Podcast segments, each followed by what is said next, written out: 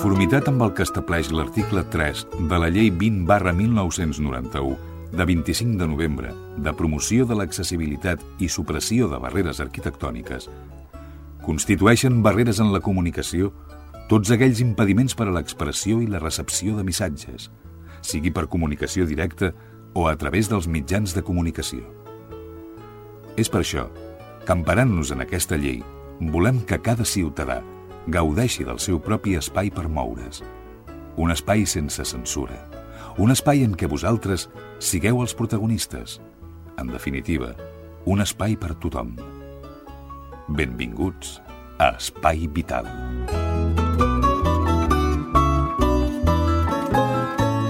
Senyores, senyors, què tal com estan? Benvinguts, ben trobats. Eh, un dia més, a un programa més que ja el coneixen vostès. Es diu Espai Vital i ja porta la seva quarta temporada. En el programa d'avui parlarem d'una malaltia molt comú, cada cop més comú eh, al nostre país. Parlem de la celiaquia. Ja n'hem parlat altres cops, però ara ha sorgit una novetat que penso que han d'escoltar.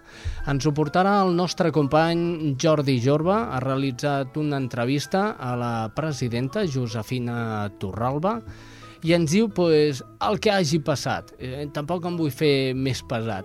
Salutacions de la Teresa, benvinguda. Ben trobats. Ben trobada, el nostre cercador. Hola, què tal? Hola, què tal, Xavi? Com han anat les vacances? Oi, a mi molt bé. Molt bé. I A mi de meravella. De meravella. On, on has estat? A Turquia i després d'excavacions arqueològiques. Ah, molt bé. Ah, no, això està bé. I tu què? Oh, jo, mira, si me faig comèdia, li vaig dir una que havia estat a la Costa del Sol, en què vaig demanar perdó, que vic al carrer del Sol, però estic com a la Costa del Sol. Està tot adaptat, tinc piscina pels altres, no per mi. Doncs mira, d'adaptacions parlarem avui. I d'adaptacions perquè és un programa coproduït per cinc emissores municipals i que totes anem cap al mateix sector, cap al món de la discapacitat i de la malaltia crònica.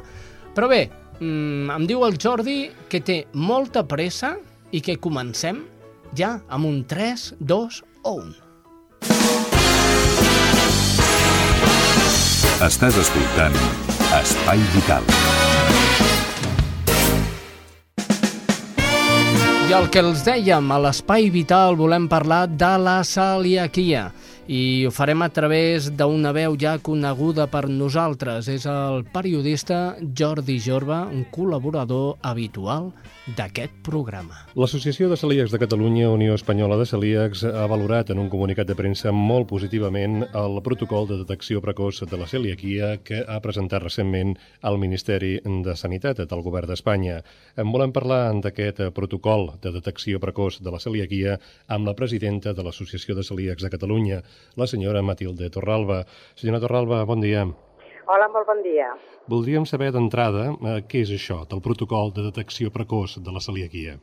Bé, doncs això forma part del pla que va establir el, ministre, el Ministeri de Sanitat amb el ministre Sòria, que el va presentar el mes de gener, eh, en el plan de, de suport al, al celíac, i per una banda doncs, eh, es va presentar en aquell moment la, el projecte de Real Decret de l'etiquetatge i l'altre vessant era doncs, un diagnòstic mm, precoç, o sigui, un diagnòstic a punt de la malaltia celíaca. Això és molt important, hem de ser conscients de que quan es fa algun eh, estudi, que això s'està fent eh, eh, contínuament, diguéssim, hi ha un índex de, de detecció amb les persones estudiades d'un celíac cada 100 persones, però és ben bé que això doncs, mm, en la vida real no passa. Sigui, si estem parlant de que a Catalunya tenim censats eh, uns eh, 8.000 celíacs, no corresponen als percentatges que hauria de ser. Què vol dir això? Doncs que hi ha molts celíacs per al, que estan circulant eh, per, la, per, per, la, per Catalunya, vaja, i que no saben que són celíacs. Aleshores, això suposa que aquestes persones estan segurament doncs, malvivint o vivint amb una qualitat de vida eh, molt inferior a la que podrien tindre. Amb aquest protocol que, que s'ha presentat, eh, es tindran en compte doncs, poder detectar, o sigui, els metges de, de família, a tant adults com a nens, perquè no hem d'oblidar que encara hi ha molts adults i molts metges d'adults que no tenen en compte la malaltia celíaca. Això és una eina que servirà doncs, perquè això quedi eh, una mica pal·liat. Com ha participat a l'associació que presidiu en l'elaboració d'aquest protocol?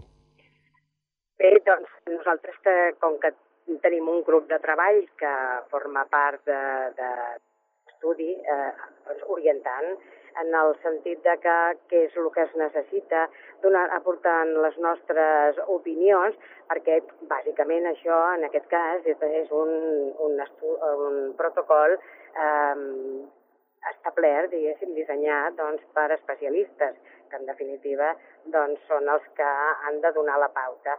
Però per la nostra part doncs, també sempre tenim la nostra, el nostre petit gra de sorra perquè és mm, ben veritat que en moltes ocasions doncs, eh, celíac que no sap què celíac, potser acompanya doncs, amb una altra persona eh, i l'entorn que se li ha presentat i que en, en nosaltres doncs, potser hem tingut ocasió de, de valorar-ho i de viure-ho al dia a dia, perquè, per exemple, se m'acut, eh, hi ha algunes ocasions en què ha vingut alguna persona recent diagnosticada, potser amb 50 anys.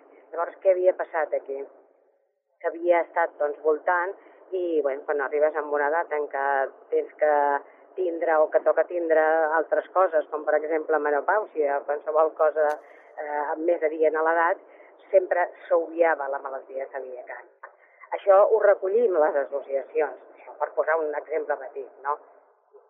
O sigui que espero que sí que hagi servit perquè realment, doncs, això per una banda i per una altra, doncs, té una difusió i, bueno, també els hem d'agrair a vostès que quan els hi hem eh, portat notícies, doncs, ens hagin fet cas i, bueno, afortunadament a, a casa nostra això, doncs, ha estat bastant apoyat.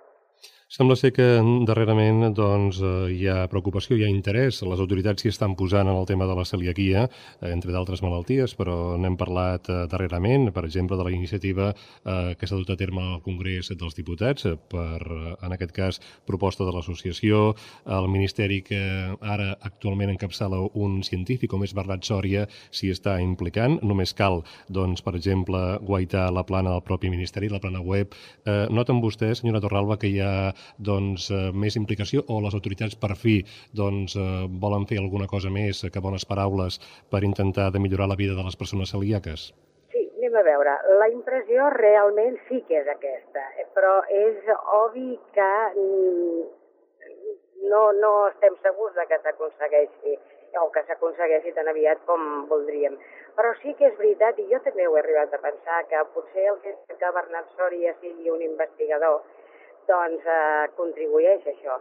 Nosaltres, des de Celíacs de Catalunya, la veritat és que eh, a la investigació li hem donat sempre una, una oportunitat, una ocasió, una dedicació eh, prioritària sempre, i bé, si vostè m'ho permet, doncs aprofitaré per dir que realment ara crec que tindrem una ocasió i que tindran els metges eh, perquè està, podríem dir, especialment dedicat als metges d'altres patologies, metges en general, metges de família, personal sanitari, doncs d'escoltar a primeres figures de la, que treballen sobre la malaltia celíaca el proper dia 26 que fem un congrés. Sí, serà... I esperem, sí, no, perdó, no, no, no, I esperem doncs, que, que sigui una realitat, però que sigui una realitat en tots els sentits, i que efectivament aquest Real Decret doncs, sigui eh, a Europa, que en aquests moments està doncs, a la Unió Europea i bé, potser eh, fan una, crec que va camí d'aquí, una directiva europea, que això també fora bo. Potser fora millor, el que passa és que la, proposta que ha presentat eh, el Ministeri de Sanitat nostre és millor que potser el que surti d'Europa, però en definitiva és important que el Saler, quan surti arreu, doncs eh, trobi els mateixos mm, les mateixes pautes, potser doncs, per considerar eh, la malaltia, els productes específics sense gluten, eh, perquè cal que hi hagi una mesura i la mesura l'ha de posar el govern, i en aquest cas doncs, és això el que hem aconseguit que fes el ministre. Nosaltres hem aportat estudis, o sigui, hem fet estudis de lo que suposa eh, la malaltia, de lo que suposen els gastos, de com estan els, els, els etiquetatges dels productes alimentaris. Eh, en moltes ocasions hem trobat doncs, productes que eh, podrien estar identificats i no, i no ho estan, amb la qual el celíac en prescindeix, i llavors doncs, també, per una altra banda, doncs, en algunes ocasions alguns estan contaminats i el celíac no ho pot saber si no ho controla.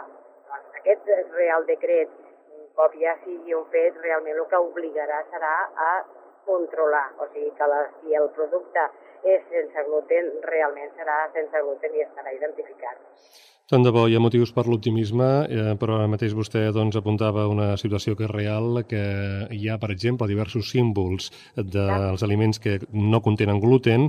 Suposo que fora bo doncs, que, a banda de la iniciativa estatal espanyola, doncs, hi hagués una directriu comuna per a nivell d'Europa perquè tothom sí. pugui mm, saber exactament, hi hagi només un logotip o un símbol, tothom, tothom tingui el mateix ajut, tothom pugui accedir doncs, als mateixos productes amb garanties. Sí, sí, exacte. O sigui, si tots identifiquéssim eh, i tots eh, senyaléssim el que significa un producte sense gluten amb la mateixa para de mesurar, realment penso que seria un guany molt positiu per tots. Bueno, nosaltres estem contents de que el límit que va posar el ministre per considerar un producte eh, sense gluten fos amb 20 ppm o que és el mateix per, per millor, perquè realment els estudis doncs, que ja han fet fins ara, que nosaltres l'associació eh, podem dir que som la primera associació que ha publicat en una revista científica un estudi sobre eh, ingesta, i això mm, val, penso que és molt important, doncs eh, la mesura està, com eh, segura, amb 20 parts per millor. Llavors, eh, un celíac perquè, anem a veure, eh, és lògic quan amb una persona la diagnostiquen perquè ho ha passat més malament o que ho ha passat malament al fill, doncs pensi, ai, el zero és el, el que pot significar sense gluten. Però no, com totes les coses, doncs hi ha d'haver-hi un patró i hi ha d'haver-hi doncs, una comparació. Doncs en aquest moment el reflexe són els 20 parts per millor per assegurar una dieta correcta. Sap vostè, senyora Torralba, quan aquest protocol el tindran tots els metges de Catalunya, tots els metges de l'Estat, per poder mm, veure si realment la persona que tenen el seu pacient és celíac? En aquest moment ja ha estat enviat a totes les mm, regions, a totes les autonomies, i bé, també podrà disposar d'un exemplar el dia 26 del dia del Congrés. Per tant, vostès mateixos també podran tenir accés a aquest protocol. Doncs molt bé, esperem ser-hi el dia del primer Congrés Internacional sobre la malaltia celíaca. Senyora Matilde Torralba, presidenta de l'Associació de Celíacs de Catalunya, gràcies per la invitació i eh, res, felicitats per aquesta iniciativa que no és res més que una combinació més, que una fita més assolida d'una feina que fa 30 mm, anys que du, en terme, que du a terme aquesta entitat i que sigui per molts més. Moltes gràcies, senyora Torralba. Gràcies a vostès per la seva col·laboració. Adéu-siau. Adéu-siau.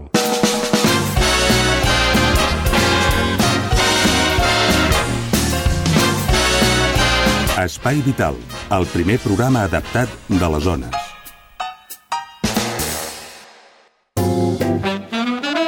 Doncs molt bé, ja portem eh, una estoneta de programa, ja coneixeu una miqueta més la malaltia celíaca. Era el Jordi Jorba. Per cert, nois, avui què dinem, Teresa? Avui un menjar de tac, que comencin la canalleta a començar a menjar verdures. Verdures? Sí, Què? uns espinacs a la catalana. Buf, per això No, a, tu, no, a tothom no, no li agrada això dels espinacs. Ja ho sé, tampoc m'agradaven a mi, s'ha de menjar. Però com que el tornaré amb truquito, Truquito. canalla, i a començar a menjar-ne. Molt bé, doncs estigueu atents perquè cap a la finalització d'aquest programa la Teresa Diviu ens portarà aquest exquisit menjar que no a tothom li agrada, però segons ella és exquisit. Quan acabem ja veurem, a veure què tal surt. Ves encenent el foc, que ara venim. Bueno, Molt bé, engeguem un nou apartat dintre del programa, ja que estem d'estrena i que portem quatre temporades emetent l'Espai Vital, hem pensat hem de posar alguna coseta més que ens dongui eh, un què per poder-nos queixar. I quina millor manera que per queixar-nos anar a buscar les insurgències que passen a tot el món. El Manel Ibarro és l'encarregat de donar-nos la primera insurgència. Queridos oyentes, no comulguemos con ruedas de molino. Exijamos el libre acceso a la información y a que respeten nuestras decisiones y la libertad de elección. Reflexionemos sobre los intereses que se nos ocultan y aprendamos a leer entre líneas y a ser críticos con la información que cotidianamente nos satura los sentidos. Hay todavía mucho que decir.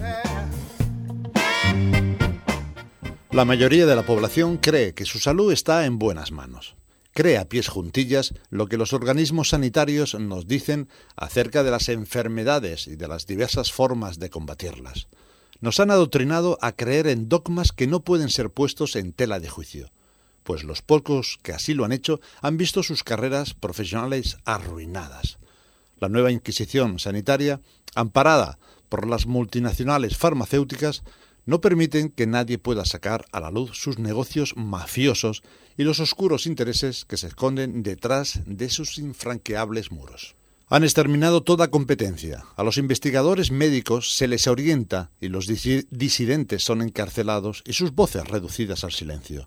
Los posibles productos alternativos naturales que pudieran hacerles la competencia han caído en sus manos gracias a la denominada legislación Codex de la Organización Mundial de la Salud, OMS, y a las patentes de la Organización Mundial del Comercio, OMC. Los gobiernos y los medios de comunicación se ocupan de influir sobre la población alimentando el miedo a la enfermedad. Se manipulan los genes, se patenta toda forma de vida se comercia con órganos, se irradian alimentos, se pasteuriza la leche, se imponen obligatoriamente más de 30 vacunas desde la infancia y mientras tanto los costes suben y las multinacionales se enriquecen a toda costa de nuestra salud y obligándonos a un silencio selectivo.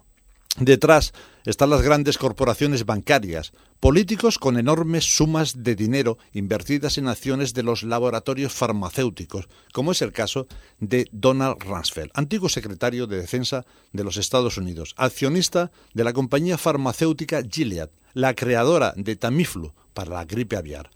Robert Zoellick, a quien el propio George Bush propuso para presidir el, Banco Mundial, ha sido un buen amigo de la industria farmacéutica, como se ha publicado. Associa Press difundió que Carl Rower, el asesor más poderoso de George Bush, ya dimitido, tenía un cuarto de millón de dólares en acciones de la farmacéutica Johnson Johnson. Como puso de manifiesto el periodista Miguel Jara, Gracias a la Ley de Acceso a la Información de Estados Unidos, sabemos que compañías farmacéuticas ofrecen dinero a qué candidato electoral de aquel país cada vez que hay elecciones. ¿Y qué cantidad? Que son enormes cantidades. Luego, los ganadores devuelven los favores con leyes hechas a la medida de estas corporaciones o con decisiones que las favorecen. Además, el gobierno de Estados Unidos actúa como representante comercial de las farmacéuticas estadounidenses en los foros globalizadores, como en las reuniones de la Organización Mundial del Comercio, en la que presiona a favor de las leyes internacionales de patentes. Hoy, el dinero de los laboratorios farmacéuticos financia las campañas electorales en Estados Unidos y supone el 70% de los ingresos de la FDA, la Agencia de Medicamentos estadounidense, una institución pública. Y en Europa ocurre algo parecido. Por ejemplo, en un congreso médico las presentaciones y ponencias que aparecen en tales eventos están controladas y requieren obligatoriamente ser primero aceptadas por el comité científico, organizador del congreso. ¿Y quién designa a ese comité científico? Pues generalmente quien financia el evento, la industria farmacéutica. Sí, Hoy son las multinacionales las que deciden hasta qué se enseña a los futuros médicos en las facultades y qué se publica y expone en los congresos de medicina. El control es absoluto. Una dictadura sanitaria que nos afecta a todos, incluso a los propios médicos que no tienen acceso a otra fuente de información que no sea la proporcionada por las industrias del sector.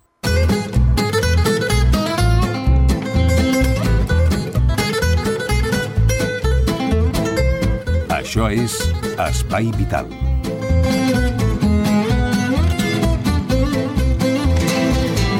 I d'Espai Vital, de discapacitat, malalties cròniques, recordin eh, que aquest programa s'està matent per cinc emissores municipals. Cerdanyola, Ripollet, Montcada, Barberà i Santa Perpètua. I no els enganyaré, estem darrere també de que eh, Sant Cugat i Rubí, Sabadell fins i tot, d'altres poblacions que es vagin afegint.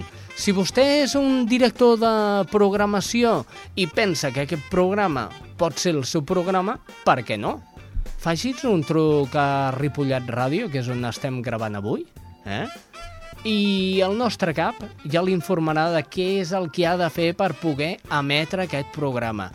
Ep, que no li costarà ni un duro.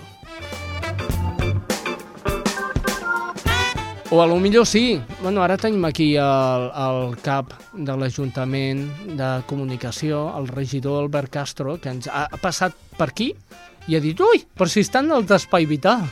Dic, Albert, passi, passi, que veurà el piset. Hola, Albert, què tal? Hola, molt bon dia. Com han anat Bona les tarda. vacances? Doncs bé, bueno, no he tingut gaires vacances, però, però he pogut descansar una mica, pensar, llegir, escriure i disfrutar de, com deia la Teresa, del sol de Ripollet, que déu nhi Doncs molt bé, aprofitem que està l'Albert Castro mm, per fer-li una, posa, una, una puesta en escena d'una possible diada d'aquí a un any. Eh? L'anirem recordant si surt, tira endavant i com ho farem. Recordeu que, que avui també estem una miqueta de celebració perquè ja som, ja som associació, sí senyors, ja som Associació Ràdio Espai Vital farem molt de mal, eh? molt bé. doncs va, eh, fa re, quatre dies ha estat el, el Dia Mundial de l'Alzheimer. Eh, la Rem Herrera, dels serveis informatius de Ripollet Ràdio, ens ha fet mm, un reportatge perquè vostès sàpiguen realment que, de què va l'Alzheimer, quines solucions o teràpies eh, que s'han posat en funcionament o que es porten en funcionament, entre ells la musicoteràpia, perquè coneguin, en definitiva, una miqueta més aquesta enfermetat.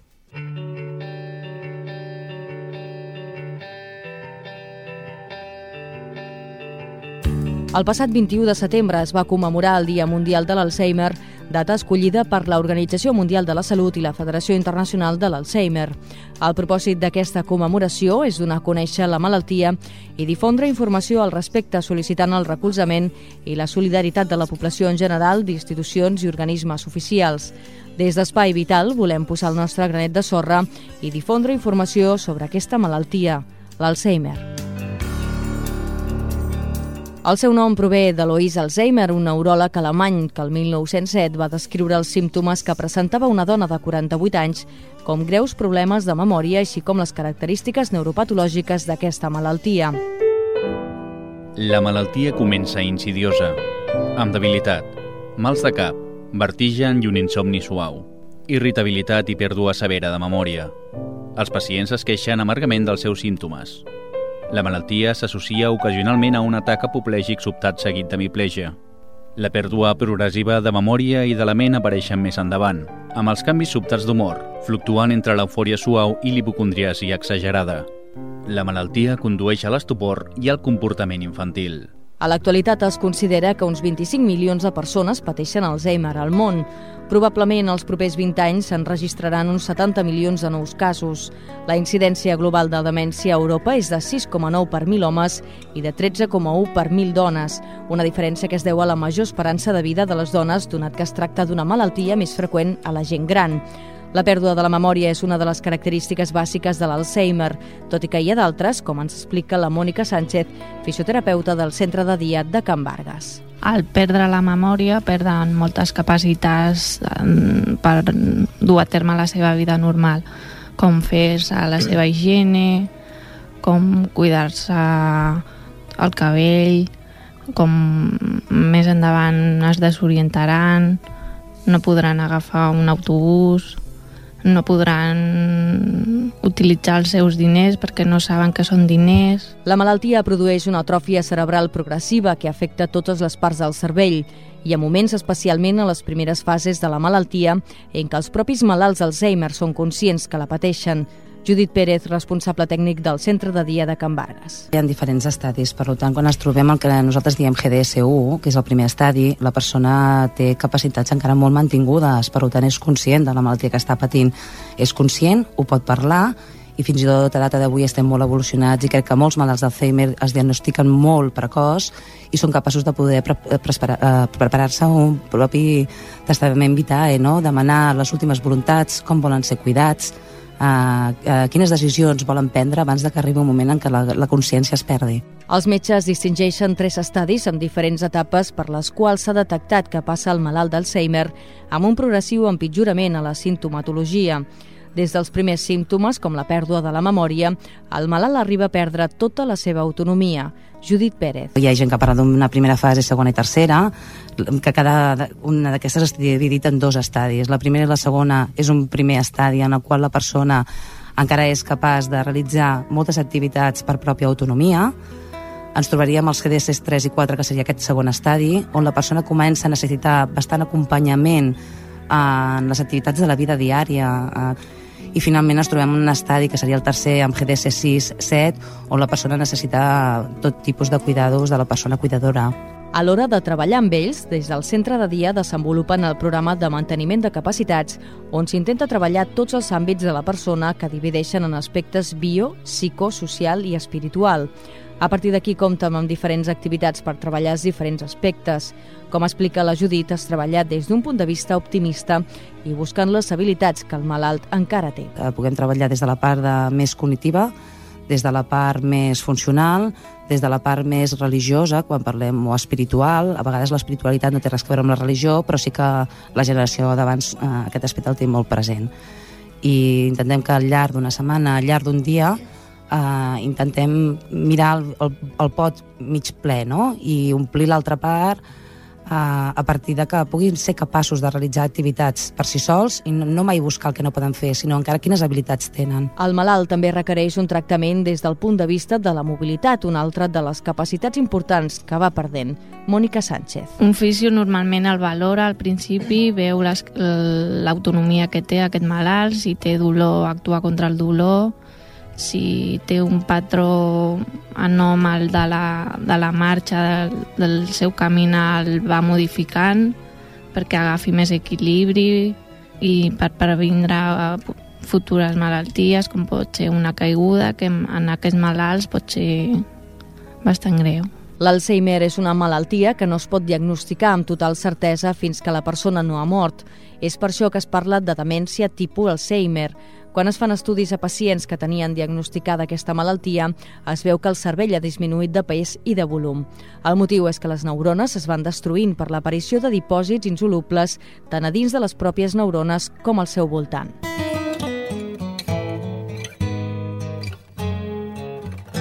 L'Alzheimer és una malaltia que de moment no té cura i que els medicaments no poden ralentitzar.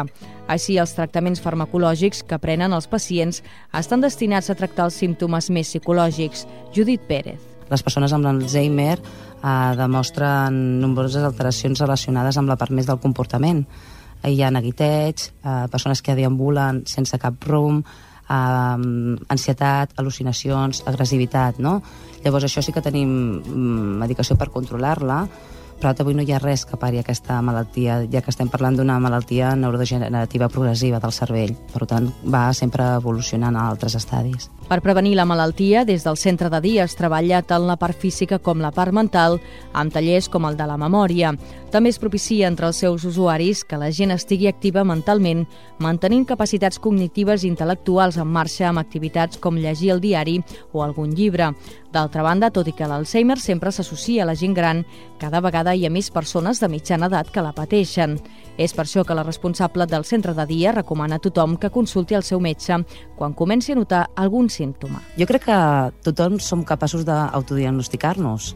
Tothom som conscients en cada moment que ens està passant. Si jo aquesta nit arribo a casa, llegeixo un llibre, uh, un capítol i quan vull tornar a retornar el llibre ja no me'n recordo de res del capítol, és una cosa que preocupar-se i li hem de donar importància.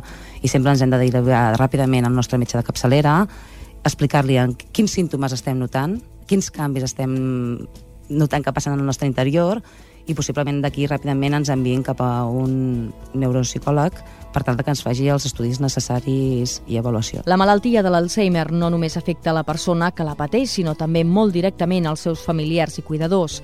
És per això que al centre de dia de Can Vargas també existeixen grups de suport dels familiars dels malalts, ja que, com explica la Mònica, resulta molt desgastant patir la desorientació dels malalts, els quals fins i tot poden patir brots d'agressivitat als estadis finals. Hi ha grups de suport que ens ajuden a, a encaminar el, el seu familiar a cuidar millor en aquesta persona i a entendre-la millor. -hmm. perquè aquestes persones es, de vegades es posen molt irritables, de vegades es posen una mica agressives perquè no entenen el que hi ha al seu voltant.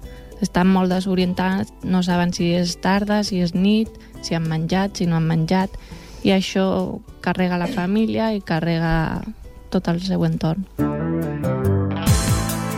L'objectiu d'aquests grups és intentar ensenyar a les famílies a que aprenguin a que el malalt realitzi el màxim d'activitats quotidianes que feien abans. Judit Pérez. A l'ensenyar al màxim a les famílies a quines maneres tenim per desenvolupar les capacitats de la persona gran, treballar al màxim l'autonomia de la persona perquè sempre hi ha potencialitats i capacitats per seguir realitzant coses, uh, la importància de que continuïn relacionant-se en el seu entorn, perquè en definitiva el que acaba pagant conseqüències molt cares és el cuidador o la, els familiars, perquè comencen a, a, a haver ambients que es, toquen, es queden molt tocats, com el tema familiar, el tema dels amics, el tema de sortir al carrer, una festa popular, coses que eren el dia a dia es converteixen en molt dificultoses per poder-hi participar. Per tant, el treball comunitari les famílies han de continuar-ho fent, no simplement que gaudeixin d'un centre amb un espai mm -hmm. tancat, cuidat. La persona eh, malalta percep, sent, pensa i té motivacions. Diu, fa i actua. Té habilitats i actituds, destreses, capacitats, potencialitats, és a dir, té un significat personal. Mai podrem oblidar que aquestes persones han viscut una experiència de vida que tenen una història i que tenen moltes coses que ensenyar-nos i que han viscut molt. I això mai ho podem perdre de vista. Uh -huh. uh, sempre els hem de fer partícips en les nostres decisions. No podem tenir en compte la malaltia. Hem de tenir en compte que sota aquesta malaltia hi ha una persona que té un significat molt propi. Com explicava la responsable tècnic del centre de dia, sembla que el malalt retrocedeixi cap a l'inici de la vida i fins i tot moltes vegades acaben en posició fatal. La comunicació amb ells canvia, però el llenguatge no verbal no, i podem expressar molt a aquestes persones, perquè, com diu la Judit, l'hem de tenir en compte i no podem oblidar la seva experiència de vida.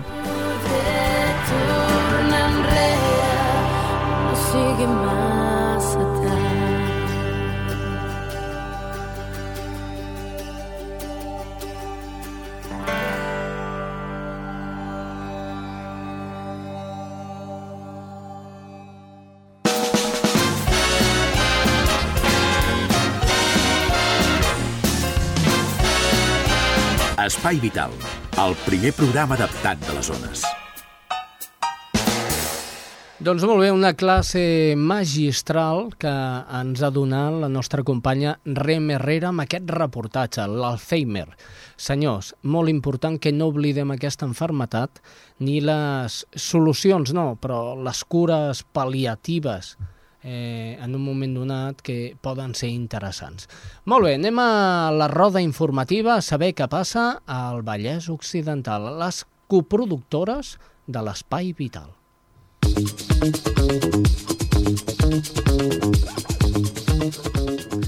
I entre elles estaria Cerdanyola del Vallès. Avui la periodista Mònica González ens fa la primera de les cròniques de la quarta temporada d'Espai Vital.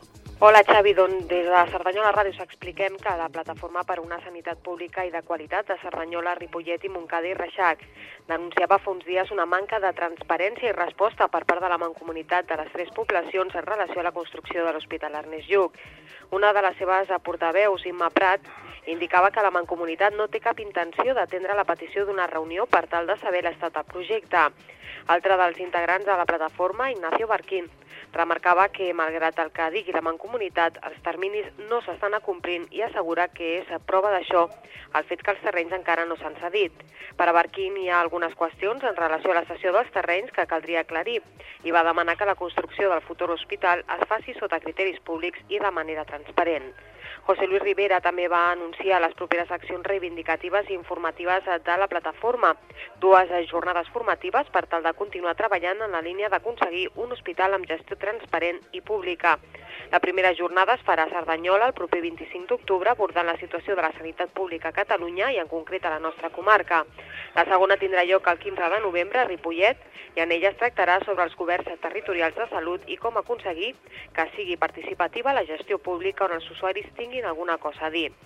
I també des de Cerdanyola Ràdio avui volem destacar que l'associació FADAM i el Rotary Club de Cerdanyola han jurat un xec per valor de 21.750 euros a la Fundació Institut de Recerca de l'Hospital Universitari Vall d'Hebron per a la investigació del càncer infantil. Aquesta quantitat és el 75% del recaptat a la nit solidària organitzada pel Rotary Club el passat mes de maig. El 25% restant, 7.250 euros, es van destinar a les obres de recuperació de l'ermita de Santa Maria de les Feixes. I això és tot des de Cerdanyola Ràdio. S'ha parlat Mònica González. Gràcies, Mònica. Benvinguda a aquesta primera entrada de la quarta temporada. Molt bé, era Cerdanyola, anem a Ripollet. Aquí es troba la Franzina Ricard, que també ens fa els 5 cèntims. Bona tarda, Xavi. Des de Ripollet et portem una notícia molt important perquè el jutjat de primera instància número 45 de Madrid ha admès a tràmit la demanda presentada el passat 21 de juliol per l'Associació d'Afectats per l'Amiant contra l'empresa Uralita, on li demanen que indemnitzi 47 persones afectades per la malaltia provocada per l'amiant. La demanda pionera a l'Estat demana així la reparació per als afectats passius de l'amiant, 38 malalts i 9 difunts. Es tracta de persones que mai van treballar a la factoria Uralita ubicada a Cerdanyola del Vallès, però que eren veïns de la planta planta o familiars dels treballadors. A la demanda sol·licita una indemnització global de 5.400.000 euros com a reparació pels danys fets per l'Uralita. El bufet d'advocats Roca i Junyent, representant de l'Associació d'Afectats per l'Amiant, que vol que l'empresa conegui la seva responsabilitat envers els malalts passius, tal i com va fer amb els treballadors, després en molts casos de procedències judicials. La demanda es va presentar al jutjat madrileny després de dos anys de feina conjunta entre l'entitat i els advocats. I això és tot des de Ripollet. Bona tarda. Doncs bona tarda, Franzina Ricard. Anem ràpidament cap a Montcada. Allà es troba la Sílvia Díaz. Hola, salutacions des de Montcada, una temporada més a l'Espai Vital. Doncs eh, la primera crònica d'aquesta temporada fa referència a un estudi. En línies generals, el consum declarat de drogues, tabac, alcohol i substàncies il·legals entre els adolescents i els joves a Montcada i Reixac ha baixat respecte al 2002. Aquesta és una de les principals conclusions de l'enquesta escolar sobre drogues feta el mes de març per la Regidoria de Salut Pública i Consum, que continua així amb la línia d'investigació iniciada fa sis anys per aquest departament. En total, s'han entrevistat entrevistat 480 alumnes dels centres públics i concertats de la localitat de 12 a 18 anys. A diferència del que es va realitzar ara fa 4 anys, en aquesta ocasió s'ha ampliat la població objecte d'estudi, incorporant alumnes de sisè de primària i dels cicles formatius de grau mig. D'acord amb els resultats de la investigació, els tècnics municipals consideren que cal continuar treballant per la prevenció perquè es demostra que a més informació disminueix la tendència al consum per part dels joves o bé es retarda l'edat en què s'inicien. L'estudi constata que el consum de tabac ha disminuït en les edats més joves, tot i que es manté en les més grans. Així, mentre que el nombre de fumadors diaris entre els 14 i els 16 anys ha descendit notablement, als 17-18 anys el 19% dels nois i el 23% de les noies es declaren fumadors diaris. L'alcohol segueix sent la substància més consumida entre els joves del municipi, com ho és en el conjunt d'Espanya. La gran majoria declara haver-ne consumit alguna vegada a la vida. Una altra dada significativa és que cada vegada més són les noies les que s'inicien precoçment en el consum de drogues i les que més mantenen l'hàbit en comparació amb els nois. Doncs bé, aquesta és la crònica d'aquesta setmana des de Montcada. Fins la setmana vinent. Gràcies, Sílvia Díaz. Montcada Ràdio. Ja anem cap a Barberà. Eh, ella es diu Núria Cabrera i és la quarta temporada que porta amb nosaltres. Hola Xavi, què tal? Avui des de Barberà us parlem de l'inici del programa de les activitats per la gent gran de la nostra ciutat que cada any posa en marxa la regidoria de gent gran del consistori barberenc. Es tracta d'una oferta àmplia que vol abastar tots els aspectes de la vida activa de les persones grans des de l'activitat física i la vida saludable a la cultura i a la formació. Uns tallers que comencen que han començat doncs, ara el mateix aquest mes d'octubre i que arribaran fins a finals del mes de gener. Enguany, la regidoria del programa de gent gran ha proposat diversos tallers d'interès general, com el de risoteràpia o el de maneig de mòbil. Aquests tallers volen afavorir que la gent gran estigui a l'última, tant en noves tecnologies com en noves teràpies de cura personal. Una altra gran aposta és el grup Cafè de Bos, format per un grup de senyores que reuneixen al casal de la gent gran del centre per fer mitjà, ganxet i costura mentre estan prenent un cafè i xerren també de manera distesa.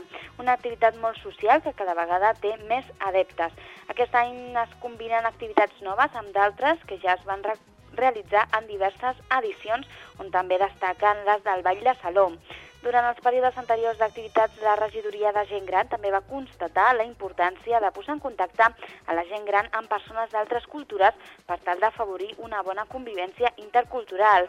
En aquest sentit, s'ha volgut continuar la iniciativa que es va posar en marxa a l'octubre del passat any 2007, conjuntament amb el programa d'atenció a la població no vinguda, i per això es tornarà a gaudir del, del taller de l'hora del temps. Així doncs, ara en aquest mes d'octubre comencen comença aquesta nova oportunitat per gaudir dels tallers de la gent gran i passar una molt bona estona a la nostra ciutat, a Barberà del Vallès. Des de Barberà, doncs, és tot. Gràcies, Núria Cabrera. Benvinguts, Barberà, la quarta temporada. Ens queda una última emissora. Santa Perpètua. Allà s'hi troba l'estrella Núñez, a la que ja li donem la benvinguda. Hola, Xavi. Estem encantats de tornar a ser aquí amb tots vosaltres per apropar-vos aquelles notícies que poden ser interessants per als seguidors de l'Espai Vital, que cada dia seran més. D'això estic segur, eh, Xavi? Bé, des de Santa Perpètua us expliquem que durant aquests dies Creu Roja Sabadell Vallès Sud du a terme un cicle de conferències amb l'objectiu de sensibilitzar sobre la importància social de l'acció voluntària. L'ONG ha donat a conèixer ja a Santa Perpètua els seus projectes per trencar estereotips. D'aquesta manera, l'entitat intenta respondre a les principals preguntes que envolten el voluntariat i animar també els participants a associar-se. Amb el títol de Trenca els estereotips amb Creu Roja, Festa Voluntària, voluntari, la campanya s'ha desenvolupat ja a Santa Perpètua en aquests darrers dies i recorrerà fins al novembre les poblacions de Mollet, Sabadell, Badia del Vallès i Sant Quirze del Vallès. La campanya s'emmarca dins del projecte de captació i promoció del voluntariat de Creu Roja Sabadell Vallès Sud. La dinamitzadora de voluntariat de Creu Roja, Cristina Artamendi, ha explicat que principalment existeixen dos estereotips associats. Aquells que assimilen la tasca de Creu Roja a l'àmbit de socors i emergències, o sigui, les ambulàncies, i els que creuen que la seva edat és un fet excloent per incorporar-se a la tasca voluntària. Aquesta manca d'informació fa que gent interessada en fer-se voluntària en altres àmbits d'intervenció com el social, el de cooperació internacional o de medi ambient no arribin a posar-se en contacte amb l'entitat.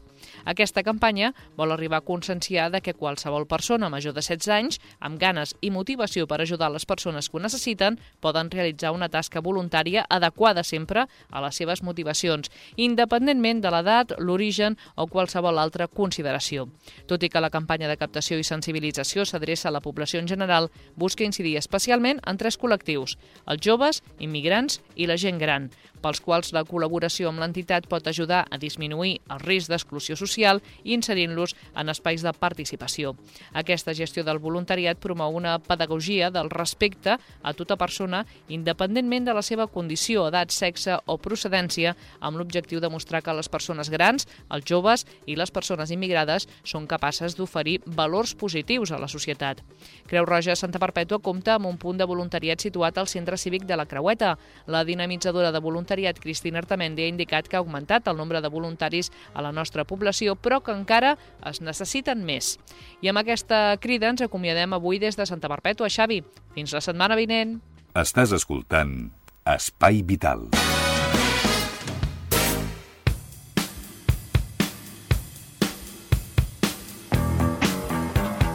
Retornem al cercador. Feia temps que no ens sentíem. Cercador, Hola, Xavi. Ell és l'Alfredo Ángel Cano Toledo i no sé quantes coses més pero es quien se encarga de traer noticias importantes, noticias de caire important, que surten a un blog, el d'Espai Vital. Eh? És un blogspot.com. És, com era? Uh, ràdio, guió, espai, guió, vital, punt, blogspot.com. Molt bé, on 500 pensionistes i jubilats reclamen el compliment de la llei de dependència. Uns 500 pensionistes i jubilats, segons la Guàrdia Urbana, s'han manifestat pel centre de Barcelona en demanda del compliment de la llei de, de la dependència, convocats pel sindicat UGT. Una pancarta amb el lema No tenim tot el temps del món obria la manifestació, que encapçalava el secretari general de la UGT de Catalunya, Josep Maria Álvarez, i el de la Unió de Jubilats, Pensionistes i Prejubilats d'aquest sindicat, Francesc Garzabal. La protesta ha comptat també amb el suport i la participació d'altres 11 entitats de viudes, jubilats, prejubilats, pensionistes i sindicalistes han informat fons de UGT de Catalunya. Doncs molt bé, fins aquí. Deixem el cercador aquí. Eh, no hi ha nada més interessant, no? No, No. hi ha res més interessant. No, no. Doncs bé, podeu anar al blog i mirar-ho vosaltres mateixos. Ara el que volem fer és menjar una miqueta. I de la veu i les mans de Teresa Diviu, que ja està remenant cassoles, eh, ens porta... Com era allò? Espinacs a la catalana. Això mateix, amb barretina. Escoltem la recepta. Teresa. Mira, com que els espinacs en tenim al mercat ja cuits, podem comprar mig quilo d'espinacs cuits. Després comprem 50 grams de cansalada viada, que us la tallin la juliana. Si teniu pernil, pues a casa mateix, allò que tingueu rotellons, però també la talleu a rotellons petitons, també, una miqueta. Compreu 50 grams de pinyons, que en poseu la meitat, vull dir, en teniu per diverses vegades. I 50 grams de panses d'aquelles de Corinto, perquè no tenen pinyol ni cua. Ahà. Poseu la meitat. I també un all picadet petitó. Si no podeu picar, ja sabeu que no congelats ni han de picar. Allò uns daus de congelat i en poseu una miqueta. Molt bé, anem a la preparació. Preparació. Mm. Tenim els espinacs escorrents. Aquí els tenim cuits, doncs, que s'escorrin. Posem una paella al foc amb una mica d'oli. Posem els pinyons allò saltejats només, que saltegin una miqueta i els podem apartar en un plat. Posem la cansalada i el pernil, tot junt també, allò amb una miqueta d'oli i saltejant. Només s'ha de donar una miqueta que, que es fongui una miqueta la cansalada i el pernil. I ho traiem també en el plat. En acabat també posem l'all picat allà que fregeixi una miqueta, perquè jo sóc de les que no m'agrada massa, l'all cremat no és bo. Molt bé. Pues allò una miqueta.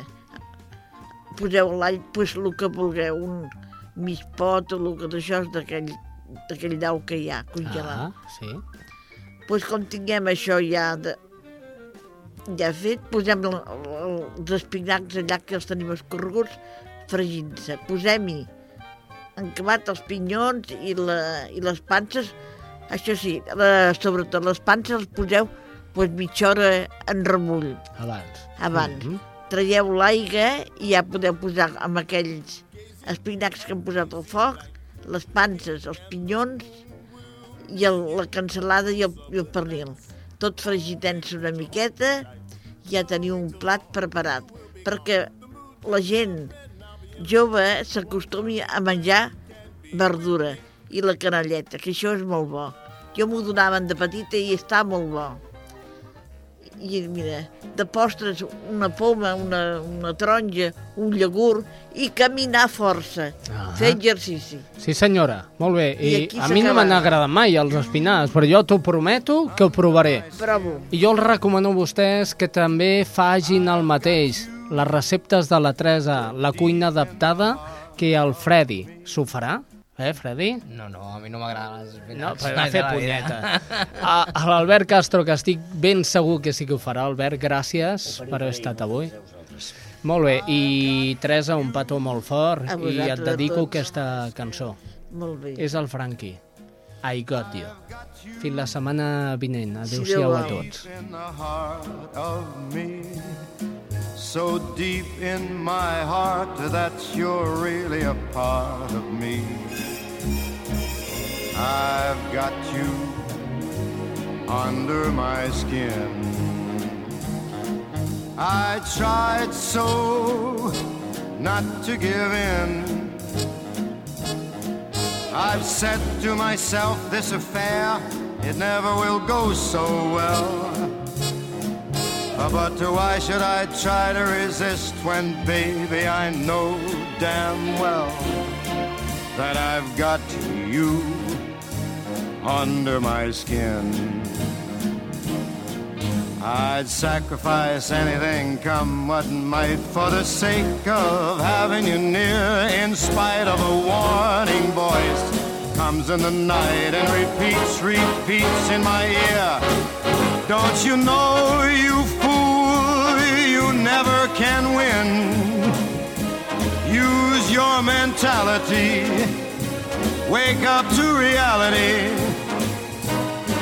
But each time I do, just the thought of you makes me stop before I begin. Because I've got you under my skin.